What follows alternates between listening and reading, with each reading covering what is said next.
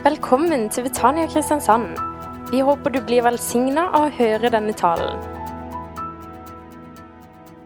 Teksten i talen jeg skal holde i dag, henter jeg fra det første Korinterbrevet. Vi har jo allerede lest flere vers fra det brevet.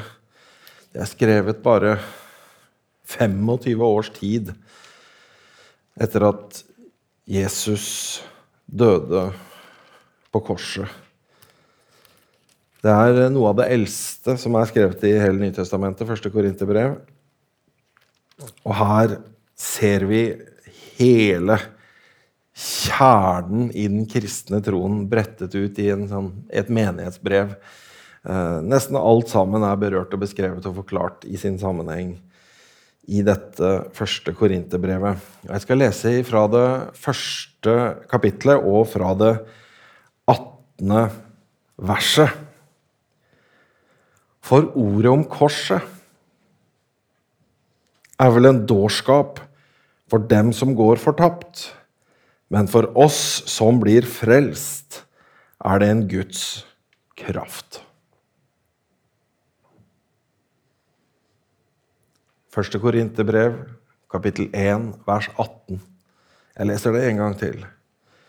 For ordet om korset er vel en dårskap for dem som går fortapt, men for oss som blir frelst, er det en Guds kraft. Korset er et veldig kjent kristen symbol. Domkirka her nede er jo en korskirke. Så til og med arkitektene har tenkt på, på si at fuglene skal se at her er det et kors. Og så er det på så mange vis Det er jo i flagget vårt. I hvert fall enn så lenge. Og det er vi glad for. Og på, på mange bibler så er det kors på, på, forsiden. Jeg så på min, men her var det lysestake her. her lysestake her. Og så på, på noen nyere og så er det sånne andre typer kors enn det der vanlige det vanlige korset med den geometrien vi kjenner igjen fra, fra, flagget. Vi vet jo at det er noen som har kors i halsen, altså ikke kors på halsen, men et smykke. Det, det har det blitt oppmerksomhet rundt. Og, Og vet du hva jeg har sett? Jeg har sett at folk har tatoveringer av det. Jeg har ikke tro på tatovering, altså, men, men, men, det er noen andre som, som, driver med det. Selv der kan det snike seg inn. Er ikke det, er ikke det fascinerende?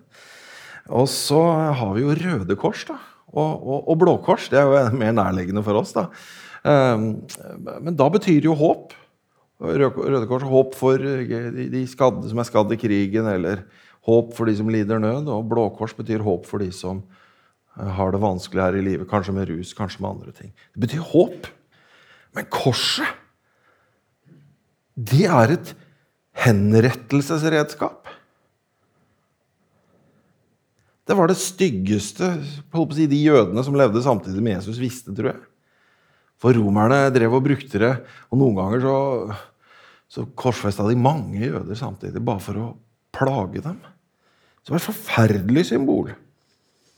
For ikke bare var det sånn at det ble brukt da Jesus døde, det, det brukte romerne for å straffe veldig fæle forbrytere som ikke var romerske borgere, og plage dem maksimalt før de døde. Jesus forutsier det at han må lide og dø faktisk tre ganger. Du kan finne det i Matteus 16, 17 og 20. Det kan være sånn hjemmelekse hvis du, hvis du ønsker det. Finne. Hvor var det det sto igjen i 16, 17 og 20?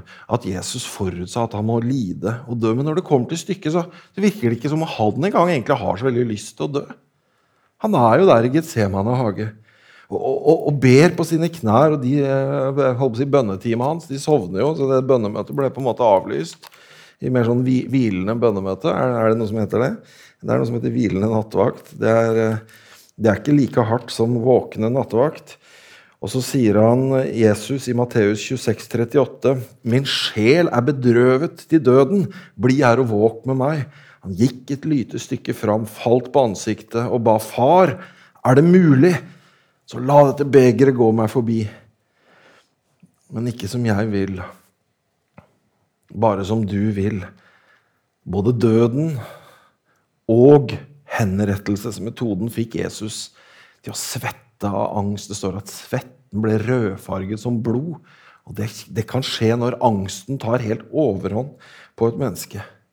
For du skjønner, det der med korsfestelsen Det er et utspekulert og grusom måte å ikke bare behandle et menneske, men å henrette et menneske på. Det er, det er altså en romersk straff til de verste opprørerne. Og, og, og, du må huske at Jesus var helt alene. De sviktet han jo. De løp jo bort. Han ene han hadde, De tok han i kappa, og han bare løp. Han hadde nesten ikke klær på seg, mannen. Det står at han løp bort naken. Det står i Markus' evangelium, så tolkerne tror det er Markus selv. En ung gutt. Det er derfor det er kommet med i Markus' evangeliet. Ingen andre har tatt det med. Livredd, bare løper av gårde. Og, og, og Judas kommer med kysset sitt. Så Jesus er alene mot overmakten. Det er jo en grunn til at vi har at selv de verste forbryterne i Norge får jo en advokat. Ingen skal stå alene, sier vi. Men Jesus sto alene. Helt alene. Så sier de da, da Pilatus, som har myndigheten, han må hudstrykes. Og For oss så høres det vel ut som liksom sånn gammeldags avstraffing, sånn som man kunne få på skolen i gamle dager. Noen, eh, noen slag med kjeppen, liksom. Men, men du skjønner det, det var romerne. dette her, De var noen voldelige eh, typer. De hadde en del bra ting med seg, men de var voldsomt voldelige. Så De hadde sånne pisker med ni remser og steiner og spiker ytterst. Ryggen ble ødelagt. Ikke bare ble den brune huden revet opp, og det røde ble synlig, men også det hvite ble vanligvis synlig. Ribbeinene. Et menneske ble ødelagt for livet muskulært i ryggen av en sånn behandling. Tar de bind for øynene hans, så slår de han og spytter på han. Spå, da, spåmann, hvem var det som slo deg? så kroner de han med en tornekrone som de presser ned under huden, skrensende ned i skallebeinet. Så går han denne veien, og de skal ha han til å bære korset. Det, det, det må være tverrliggeren. Det, kan ikke, ikke hele, det er for tungt. Men han makter det ikke. Han faller. Den siste mennesket som gjorde han en tjeneste, var han derre Simon fra Kyrene, en afrikaner han bar i hvert fall korset for ham. Takk på vegne av mange.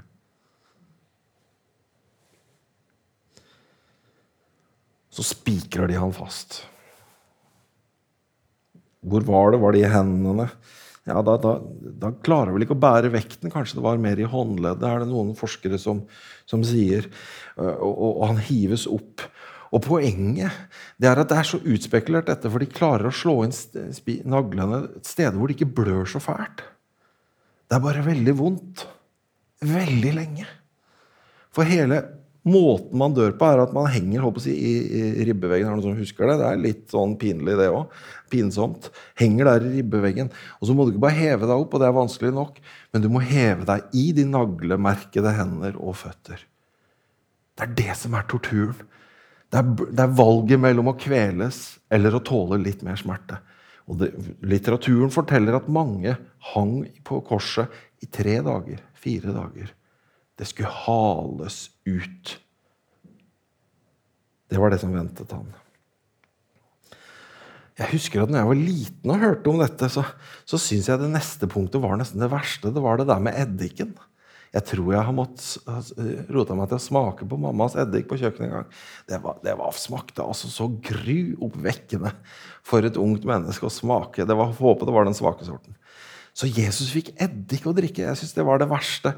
Men egentlig var det ikke det verste, for det, det var smertelindring. Det. det var barmhjertighet. Da var det Røde Kors altså nær sagt, som kom. Da blir det en bedøvelse. Da blir det ikke så ille. Og det aller verste det tenkte jeg, det må være det der når de kommer med steiner for å knuse beinene på dem. Men igjen, det var også å forkorte lidelsen. For da, da mista du evnen til å løfte med beina. Da var det bare armene, og da gikk det mye fortere. Du ble utmattet og døde raskere. Så ille er korsfestelse at å drikke eddik og få benene knust er barmhjertighet. Ordet om korset er en dårskap for dem som går fortapt. Men for oss som blir reddet, er det en Guds kraft. For det var ikke det fysiske som var det verste. Det var det åndelige. Han ropte ut, 'Min Gud, min Gud, hvorfor har du forlatt meg?'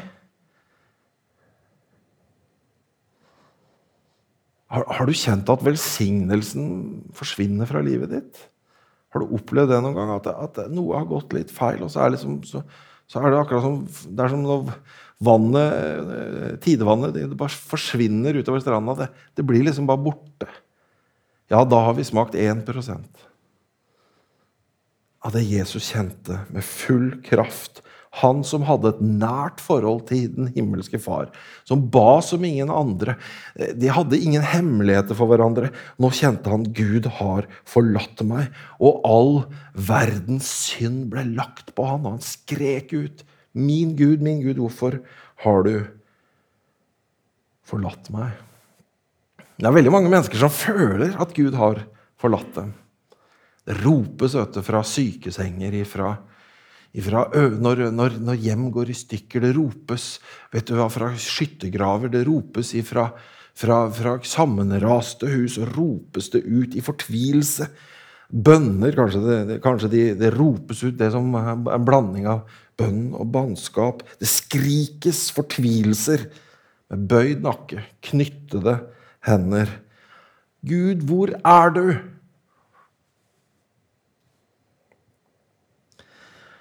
Og, og, og, hvis en tenker på sånn politikk, du, så blir det debatten på TV, og så blir det sympatierklæringer og det ene med det andre.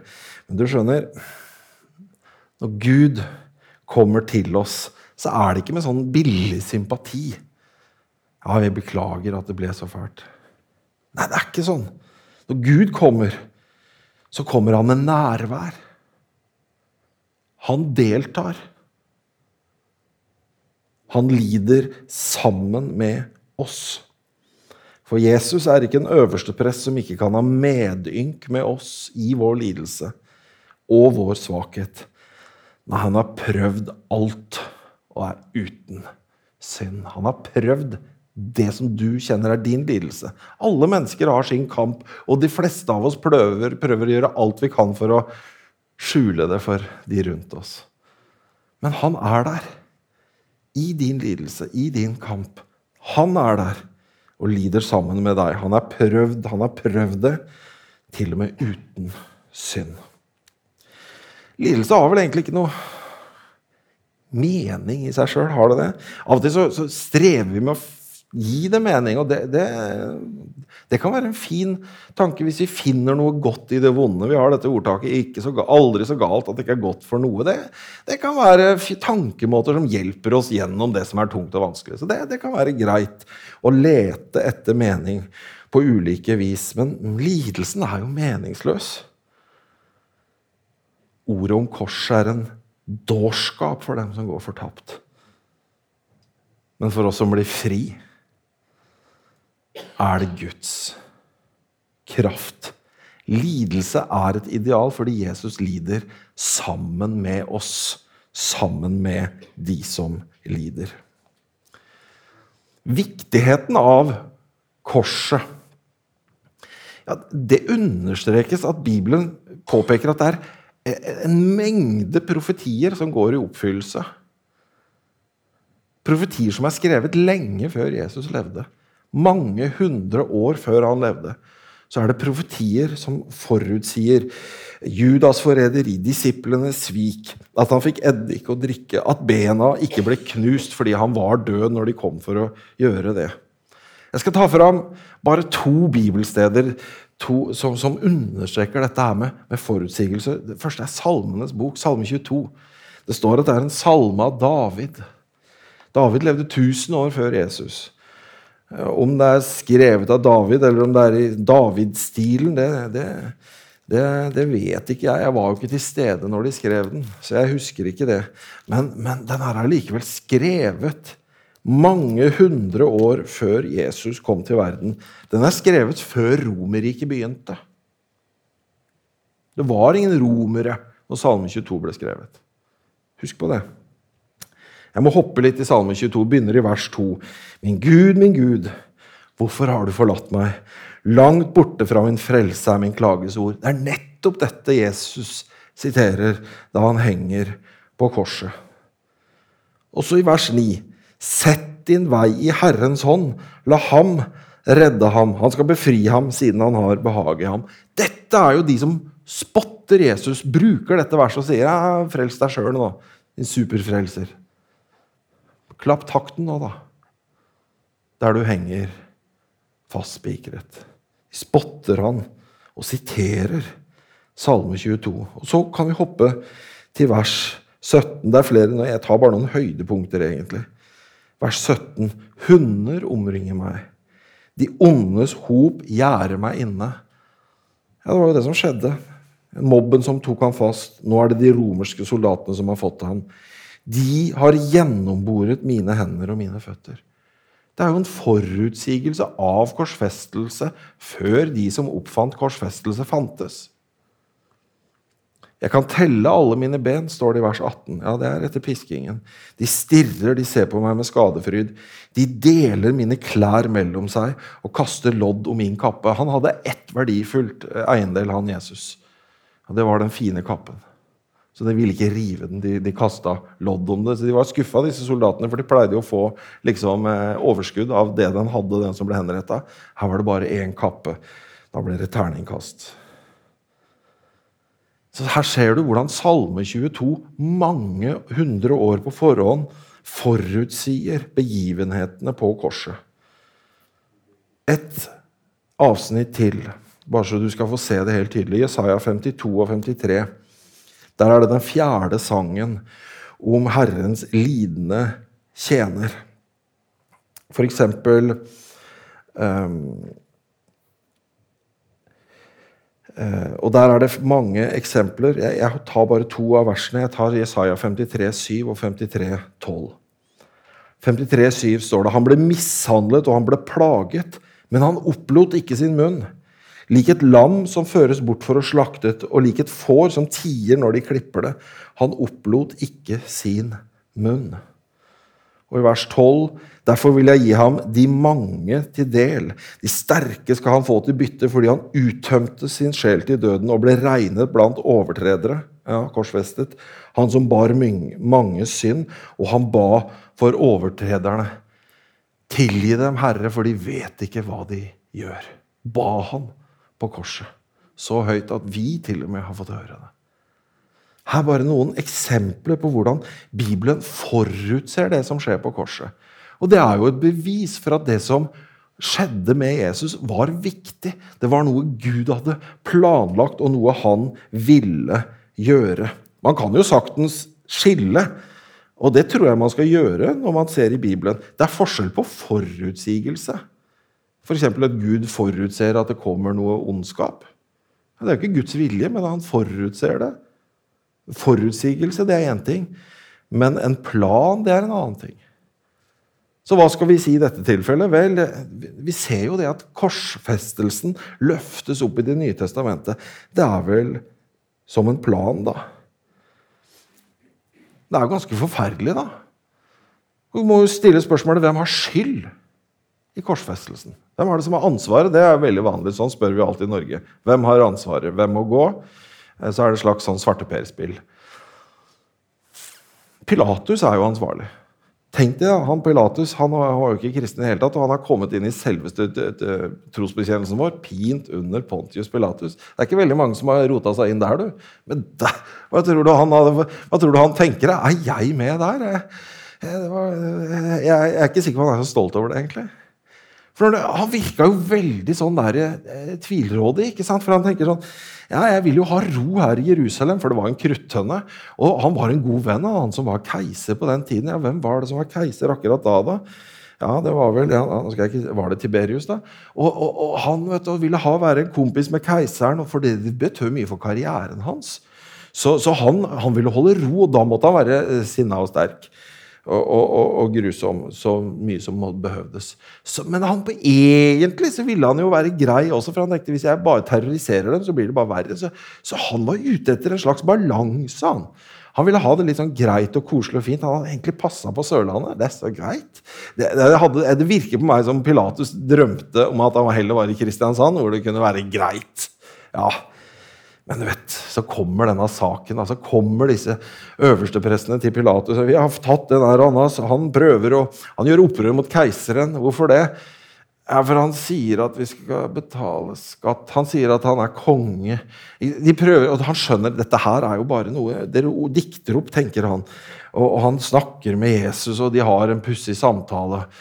Og det er jo, 'Jeg finner ikke noe skyld hos han her', sier Pilatus. Han vet ikke at han indirekte da oppfyller Moselovens betingelse at det skal være et, et, det skal være et, et lam uten feil. Det er ikke noe feil hos han her. Og så kommer kona. vet du. Jeg har hatt mareritt i natt om han er her. Ikke, ikke ha med noe med han å gjøre. Og Pilatus han, han tenker jeg, jeg, jeg, må slippe unna dette her. Vi må finne en eller annen måte. Vi pleier jo å gi en fri siden det er påske, og det er en viktig tid for dere. Så hva med, vil dere ikke ha Jesus fri, da? Han prøver liksom alle mulige måter å, å slippe unna. Og de roper til ham, vet du. Gi oss Barabas! Han stiller fram, han har det verste han har. Det er Barabas. Det er altså en opprører av verste sort som har drevet med fæle ting. Og han er jo liksom skyldig, så han, han, han er jo upopulær. Så stiller han han og, og Jesus fram og sier ja, nå skal dere få én. Han prøver liksom å dytte ansvaret videre. Så roper de på, på Barabas. Gi oss Barabas fri. Og han vasker hendene sine står i den eldgamle oversettelsen, den danske fra 1800-tallet. Fra rett før denne menigheten ble grunnlagt. Han tvettet sine hender. Eller han toet, står det på 1800-tallsoversettelsen. Det, det, har ikke funnes i Bibelen eh, siden på 150 år, men det, vi kan fortsatt høre folk si det. Han toer sine hender. For det har festet seg i språket vårt. Dette bildet at Pilatus gjør hva som helst for å si 'Jeg er uskyldig i denne mannens død'. Pilatus hadde ansvaret, og derfor står han i trosbekjennelsen. Men han var jo under press. De ropte jo 'Gi oss Barabas fri! Ikke vi ikke ha Jesus. Hva skal jeg gjøre med han? Har korsfesta han?' Så det er vel folkemengden da, som er litt ansvarlig. Ja, folkemengden Hva kan du si om folkemengden? da? Det var jo helga før, så ropte de Hosianna på palmesøndag. Og, og, og eh, fire-fem dager etterpå ropte de 'Korsfest han'. Det er nok fristende for meg å tenke at det er ikke de samme folka, men hva vet vel jeg? Du vet jo åssen det er. Bare se på meningsmålinger. Det svinger som en slalom, eh, slalåmrenn. Det er hit og dit og hit og dit. Det er det eneste. Det går ikke an å stole på det. Noen vittige tunger har sagt flertallet har alltid feil. Eh, jeg vet ikke om det er sant, men det er jo morsomt sagt. Så, og jeg vil jo si at flertallet, folkeflertallet akkurat ved denne anledningen hadde ganske feil. Altså, du, må jo ta Jesus når du har sjansen. Du kan ikke gå for han Barabas. Han var jo en røver. Men folkemengden er ikke sikkert det var de samme folka som ropte Hosianna og korsfest, men kanskje. Men det var jo noen ledere her, da. Før jeg snakker om lederne, så vil jeg si dette med at folkemengden har skylden, det er dessverre vært en del av kristen forkynnelse opp gjennom tidene.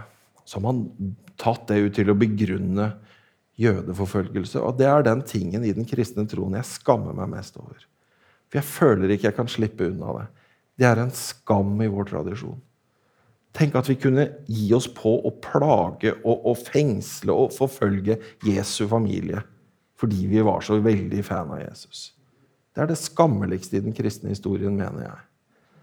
Så det, det, må vi passe oss for. Det er eksempel på at påsketaler hvor biskopen har talt om at det var folkemengden sin skyld, og så har man gått ut og startet jødeforfølgelse. Ikke bra. Ikke bra. Men det var jo disse yppersteprestene, da, eller jødefolkets ledere, de som oppegget. For de hadde jo dette de dette rådsmøtet med Det høye råd, hvor det var en slags rettssak i det minste mot Jesus. Men de kom jo med falske vitner. De løy jo så, de, de løy jo så fælt at de ikke klarte å ljuge det samme. Det er sånn det er med ljuging. skjønner du. Ligge unna, det er veldig vanskelig. Si sannheten. Det er mye lettere. Mye lettere. Og, og, og, de klarte ikke å få dem til å vitne det samme. Og det var jo de som sto bak. Jo, be om å få Barabas fri. De visste jo hva det var. For hvem var disse yppersteprestene? Det er rett nok noe rart, for det står at det var den som var øverste prest det året. Så idealet hadde forfalt ganske kraftig fra Moseloven ble gitt. Så det var ikke sånn at det var liksom bare rekka nedover. Det var blitt mer sånn politisk verv. og Hvis du var øverste prest, så var du sånn midt mellomposisjon mellom det jødiske folk og den romerske eliten. Det var penger, og det var politikk, og det var makta på stran, som det heter i Stavanger, og det var det ene etter det andre. Men øverstepresten var salvet med den hellige oljen. Han var bærer av Arons rolle. Han hadde de hellige klærne til sin tjeneste. Det var noe ved øverstepresten. Han var jo berørt av Gud, men han er blind. For de har jo dette forhøret, de har jo denne rettssaken, og vitnene lyver så fælt til det.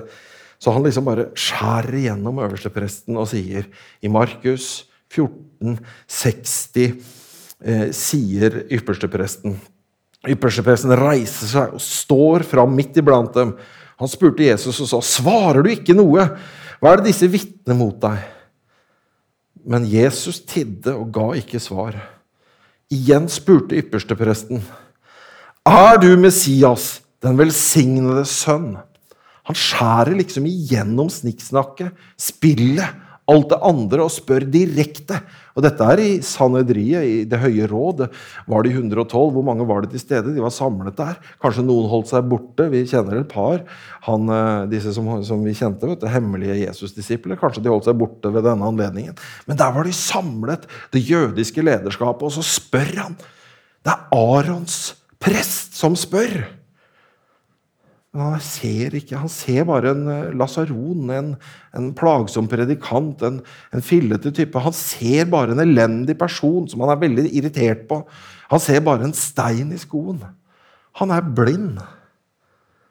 For hvem er det som står foran da? Hvem er det han spør? Hva er det som er i ferd med å skje? Det er Arons prest som er i ferd med å spørre ut han som er prest til evig tid etter Melkisedeks ånd. Det er et prestemøte. Dette er et skille. Det går fra den gamle pakt til den nye pakt. Og Jesus svarer, 'Jeg er'. Og, og, og, da tar det full fyr i det høye råd, for da vet de Nå! Nå spotter han Gud. Og vi tenker han sier jo bare at han er. Dere skal se menneskesønnen sitte ved kraftens høyre hånd og komme med himmelens skyer. Ypperstepresten flerret av klærne sine og sa, 'Hva skal vi nå med vitner?' 'Dere har hørt gudsbespottelsen. Hva mener dere?' De dømte ham alle til å være skyldig til døden. Hvorfor i alle dager var det så fryktelig å si? 'Er du den velsignede sønn?' 'Jeg er'. De skjønner. Det er fordi at de kunne fortellingen om Moses inn og ut. Det er jo dette Moses får høre fra den brennende tornebusken. Hvem skal jeg si har sendt meg? Hva er navnet ditt, Gud? Jeg er, kommer ut av den brennende tornebusken. Dette er selve gudsnavnet som var så hellig for jødene at de hadde som regel at ingen skulle si det noensinne. For de skulle ikke misbruke Guds navn, så de, de hadde glemt åssen de sa det. faktisk, til tider. De, måtte, de visste ikke hvordan de skulle si det lenger. Vi var så redd for det. Og øverstepresten får disse ordene, og han sier han er skyldig i Guds bespottelse. Men det er jo nettopp det Jesus gjør. Bare følg med gjennom Johannes evangelium. Han sier 'Jeg er livets brød'. Ja, det har vi egentlig smakt på i dag. Jeg er verdens lys. Jeg er døren til fårene. Jeg er den gode hyrde. Jeg er oppstandelsen og livet. Jeg er veien, sannheten og livet. Jeg er det sanne vintreet. Sju ganger fester Jesus dette 'jeg er'-symbolet på seg selv og sier det er jeg som talte ut fra tornebusken. Jeg er utsendt fra Gud. Jeg er ett med Gud. Og da svarer øverstepresten med å rive i stykker klærne og si 'Guds bespottelse'! Og de dømte ham alle til å være skyldig til døden. Ja, da er det vel ypperstepresten som har skylden, da. Ja, Men han er jo blind. Han skjønner jo ikke hva som skjer. Han skjønner at ikke, idet han river i stykker de hellige klærne, så river han også i stykker slutten på det aronittiske prestedømmet. For det står et nytt prestedømme rett foran han. Han er prest i evig tid. For i kraft av en evig ånd så ender han opp i himmelens helligdom og finner en evig forløsning for oss. Der står han. Den eneste som vet hva som skjer, er jo Jesus selv. Er det Jesus som har skylda da? for at det ender på denne måten? Tenk hvis han hadde forsvart seg. Han sier jo ingenting. Menneskelig sett så skjønner jeg det jo. Hva skal du gjøre når du blir skreket til på denne måten? Men tenk har du lest da han kommer til, hjem til synagogen sin, og han leser ifra, ifra, ifra skriftrullen, og, og, han sier til dem dette går i oppfyllelse for øynene på dem. De ble så sinte på han da òg. De tok han med opp på, på, fjellet de hadde der, for å dytte han utfor.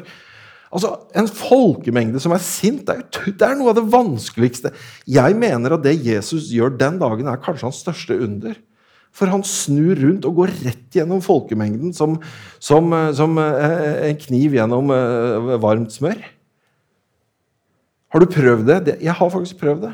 På fotballkamp i Argentina. og kjent folkemengden komme. frykten for å dø kom over meg, for jeg skjønte faller jeg nå, da blir jeg trampa i hjel. For det var ei av de vi var med som falt, stakkars jente, så vi pressa tilbake for å få henne opp. Og det trykket som kom i retur to sekunder etterpå Åh, det gikk bra. Det gikk bra den gangen. Men Jesus gikk rett gjennom folkemengden. Han hadde en makt ved seg, og han talte med en myndighet som ingen andre hadde. Tenk hvis han hadde forsvart seg. De hadde jo blitt målløse alle sammen. Men han forsvarte seg ikke. Tenk hvis han hadde forklart. De hadde måttet høre han. Tenk hvis han hadde brukt sin myndighet. De hadde gitt seg. Men han velger å ikke gjøre det. Skje ikke min vilje, bare din vilje. Så Jesus selv lar det jo skje. Han er jo den som forstår det, som ser hva som kommer. Selv om han har angst i seg, selv om han svetter, selv om han gråter. Så hvem er det da som har skylden? Det er du og jeg. Det er det som er den kristne forståelsen. At Jesus gjør dette fordi det, han døde for vår skyld. Så retter vi pila innover og sier han døde i mitt sted. Vi synger en sang i dette koret. Når han var på korset When he was on the cross, I was on his mind. Når han var på korset, så tenkte han på meg. Det er den kristne tolkningen Jesus dør for vår synd i vårt sted. Det er dommen over oss. Slik ser Gud på oss og vår moralske nivå. Vi står til stryk. Det er dommen over oss. Det er den tøffe sida med ordet om korset. Han dømmer oss til å dø. Men så har du den vidunderlige sida med korset. Ser du den åpne faen? Ser du jeg tegner korsets tegn som en klem? Det er fordi det er Guds kjærlighet at han dør i vårt sted.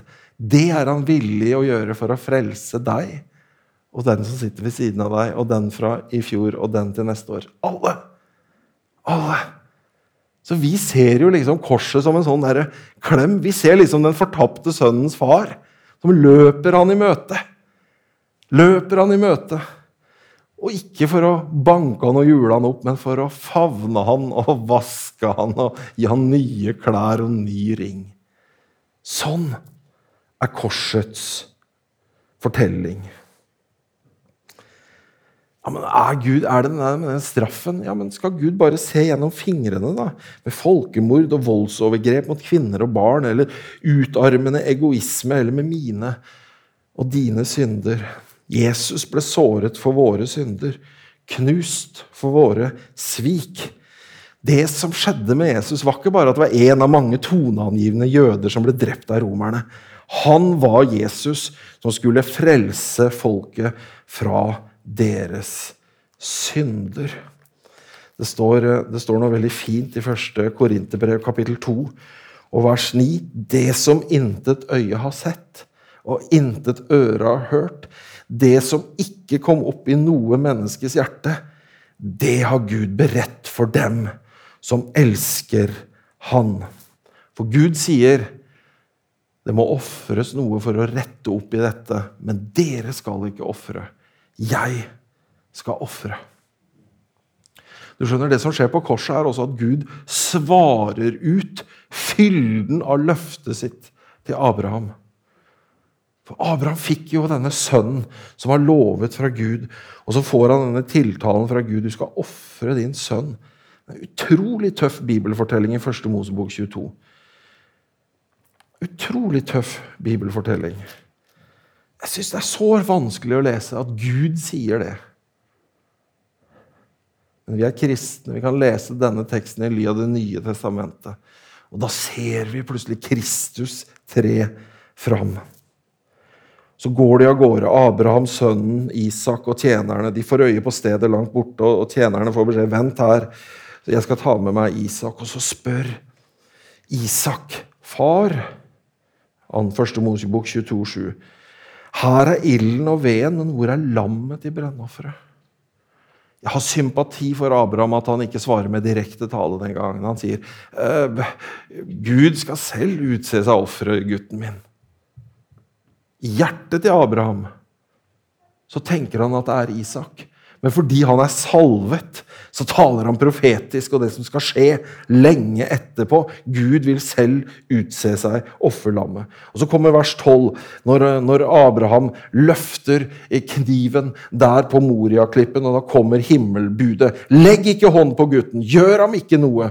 For nå vet jeg at du frykter Gud, siden du ikke har spart din sønn, din eneste, for meg.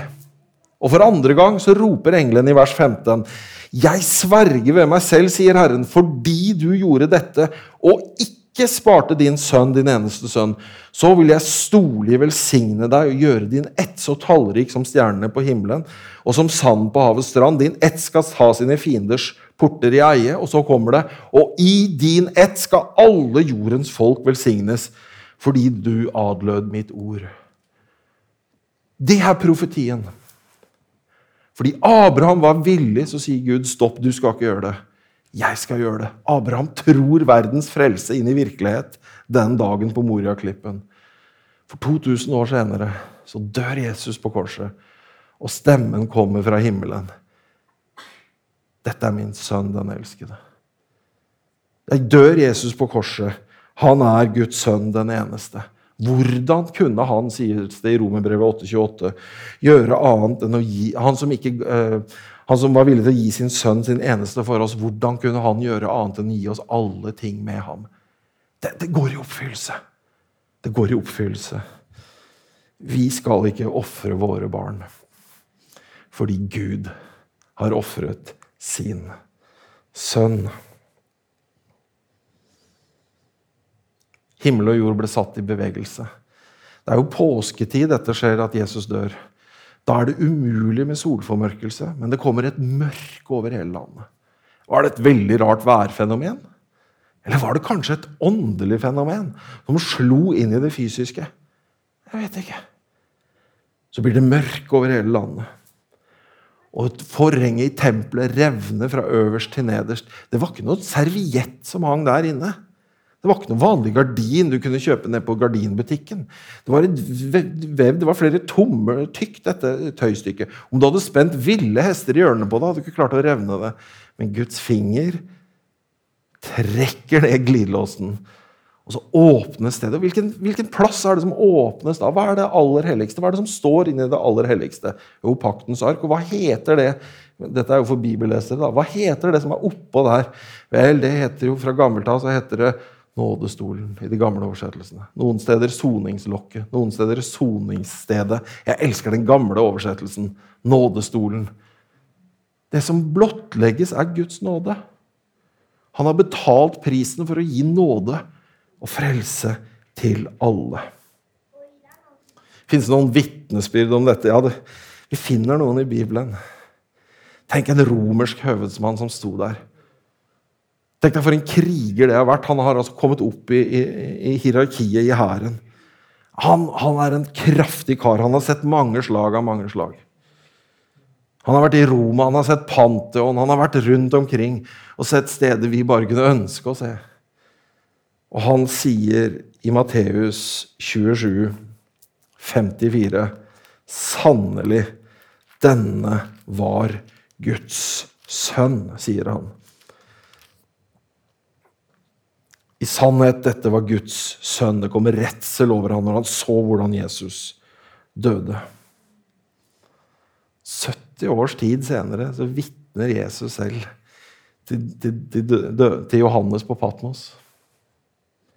Jeg er den første og den siste, den levende. Jeg var død, og se, jeg lever i evighet. Og da blir det sant, det som er dagens tekst.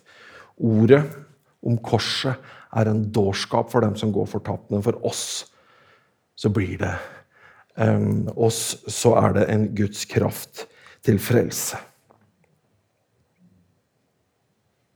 Han skulle vært kronet med ære og herlighet. Men alt vi hadde for han, var en tornekrone. Deri ligger det bitre i det søte. Deri ligger det krevende i frelsen. Det står veldig lite om Norge i Bibelen. Det er litt kjedelig, egentlig. Det står ikke noe om Kristiansand og Sørlandet heller. Det står ikke om eh, Kristiansandsvandrerne eller de som var på vei til Veggli. Nei, det gjør ikke det. Men det står 'for oss'. For oss. Er det noen her som sier at 'oss', ja, det er meg? Er du, er du med i det også, for oss som blir frelst? Er det, ja, få se, da. Er, er, du med i det også? Ja, du skjønner, det er oss. For oss. Jeg vet, ikke har, du, har du sett Jeg også. Jeg vil også være med. Har du vært på sånn der, det er liksom plass til tolv stykker? Ja, for meg også. Ja, for meg også. For oss som blir frelst, så er det en Guds kraft. Hva gjør du med korset? Det er jo de som snur det på hodet. Noen stiller spørsmålstegn ved det. Men vi kan ta imot i tro. Og jeg elsker en setning fra en gammel svensk salme O salighet, o gåtfullhet, o Kristi tørne krona, som mer enn verdens visdom vet, og varje synd kan sona. Amen.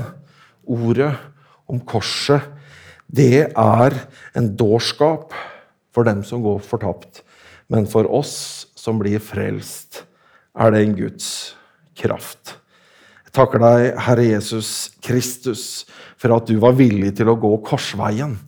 Jeg takker deg for at du tok opp ditt kors og fullførte veien. Fra, fra Gabata via Dolorosa og opp til Golgata.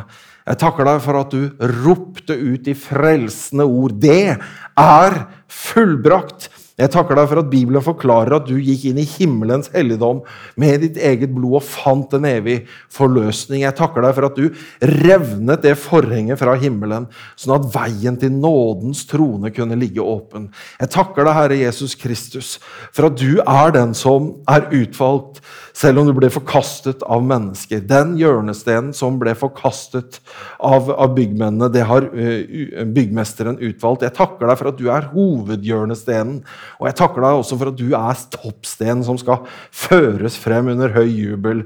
Ære, ære til det frelsesverket som du fullfører i vår verden. Herre Jesus Kristus, jeg takker deg for det at dette er for oss.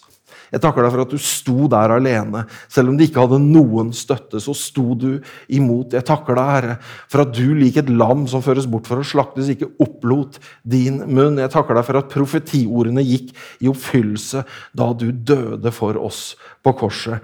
Jeg takker deg for at det er himmelstempelet på at frelsen er fullbrakt da du står opp ifra de døde på, på første påskedag. Jeg takker deg, Herre Jesus Kristus, for at du led så vi kunne gå fri.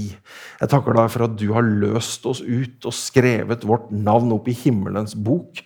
Du, Gud, du sparte ikke din sønn den eneste, men ga han for oss, sånn at hver den som påkaller ditt navn, skal bli frelst. Amen. Du har nå hørt en tale fra Betania Kristiansand. For mer informasjon kan du besøke våre hjemmesider på betaniakrs.no.